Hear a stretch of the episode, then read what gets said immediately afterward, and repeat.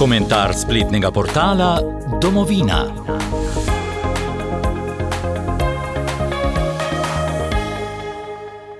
Danes bomo spletnega portala domovina.je prebrali komentar dr. Gabriela Kaučiča z naslovom Katoliški škofje in duhovniki v Nemčiji bodo blagoslavljali istospolne pare.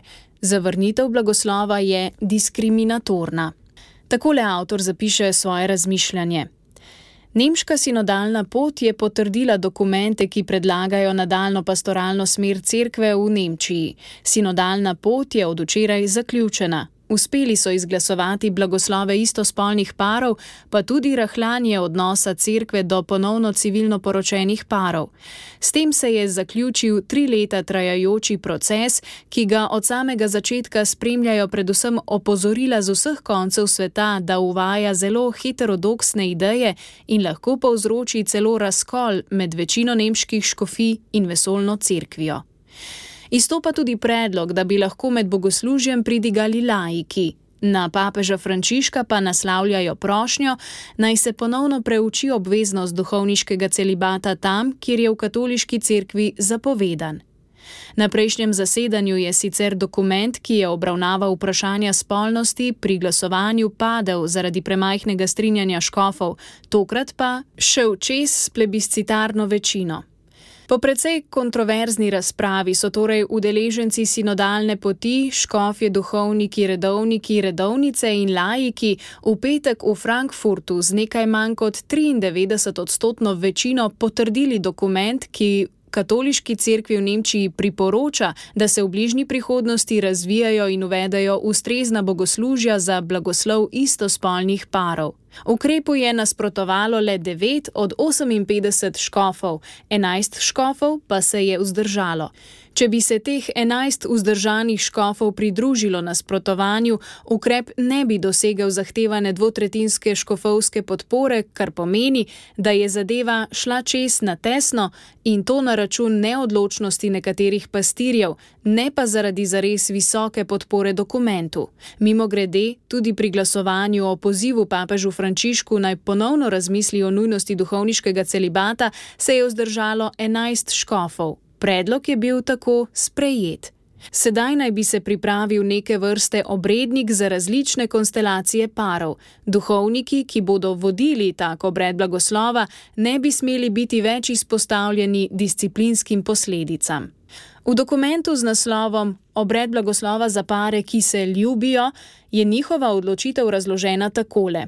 Zavrnitev blagoslova odnosa dveh oseb, ki želita živeti v partnerski odnos v ljubezni, predanosti in odgovornosti drug do drugega in do Boga, se kaže kot neusmiljena ali celo diskriminatorna. Takšna zavrnitev postavlja tudi resna vprašanja o verodostojnosti cerkvenega delovanja v našem kulturnem prostoru.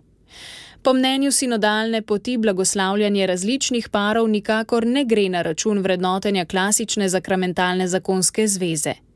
Pri tem se nemška sinoda sklicuje tudi na papeževo spodbudo iz leta 2016, v kateri Frančišek zapiše, da ni več mogoče trditi, da se vsi, ki živijo v kakršnem koli nepravilnem primeru, nahajajo v stanju smrtnega greha in so izgubili posvečujočo milost. Že med razpravo pa je postalo jasno, da bo na sinodalni poti dokument sicer uspel, a so se vse skozi pojavljali tudi jasni nasprotni glasovi škofov.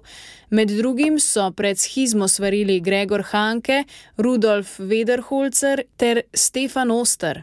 Več drugih delegatov pa je denimo pozvalo k še večjim spremembam. Med drugim je bilo slišati, da je blagoslov istospolnih zvez minimum, da je predlagani dokument diskriminatoren, saj tako ali tako potrebujemo poroko za vse.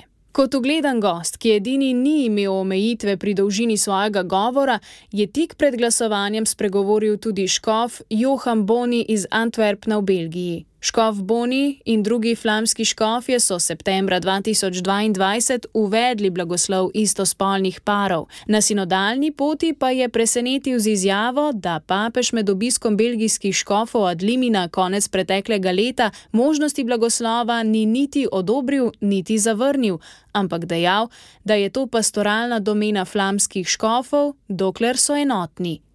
To sicer le še povečuje zmedo, saj je kongregacija za nauk vere s podpisom papeža Frančiška v pojasnilu objavljenem leta 2021 ponovila, da ni v moči cerkve, da bi podeljevala blagoslov istospolnim zvezam. Nobeden od ukrepov, ki jih je sprejela sinodalna pot, sicer nima zavezujočega učinka v nemških škofijah, če jih ne izvede lokalni ordinari. Pri tem se seveda postavlja vprašanje možnosti uvajanja ukrepov, ki niso v skladu z redom in prepričani katoliške cerkve v celoti. Opazovalci sicer menijo, da bodo ukrepi verjetno izvedeni v večini škofij, v nekaterih primerjih zato, ker jih škofje podpirajo, v drugih pa zaradi močnega pritiska na škofe strani cerkvenih uslužbencev, katoliških medijev in celo drugih škofov. Za komentar smo tokrat prosili enega od nemških duhovnikov, čigar škof je podpornik novih predlogov nemške sinodalne poti. Najprej je iz pristnega strahu pred kaznijo suspenza, če se njegovo mnenje pojavi v javnosti, sodelovanje zavrnil. To že nekaj pove o trenutni klimi na nemškem, posebej med mlajšimi duhovniki.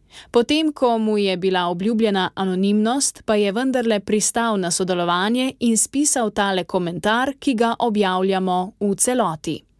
Blagoslavljanje istospolnih parov je taktika nemške cerkvene politike. Čeprav razne moderne pobude vedno znova izvajajo pritisk, čež da božje ljudstvo absolutno zahteva takšne blagoslove, so razmere na terenu, torej v župnijah, povsem drugačne. Velik del ljudi namreč na to temo gleda z nezinteresiranostjo. Vprašanje strukturnih sprememb, kot so denimo obsežne teritorijalne združitve zaradi pomankanja duhovnikov, so veliko bolj pristna vprašanja med ljudstvom.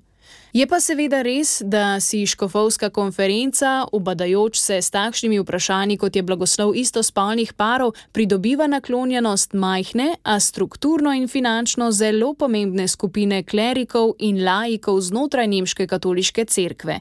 Kakorkoli že, vernikov na župnijah pravzaprav to vse skupaj nič ne briga in se s temi vprašanji enostavno ne ukvarjajo.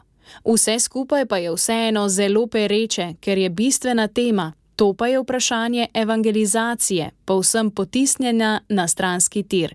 Pri tem je jasno, da želi celotna sinodalna pot bolj ugajati svetu, kot pa se podati na težko pot hoje za Kristusom. Vse, kar sedaj gledamo, ni nič drugega kot bolezenski simptom nemškega cerkvenega davčnega sistema, ki družbeno všečnost enači s poslanstvom cerkve in to z enim samim ciljem, da bi se sistem finančno ohranil. In s tem se zapis dr. Gabriela Kavčiča na spletnem portalu domovina.je zaključi. Komentar spletnega portala Domovina.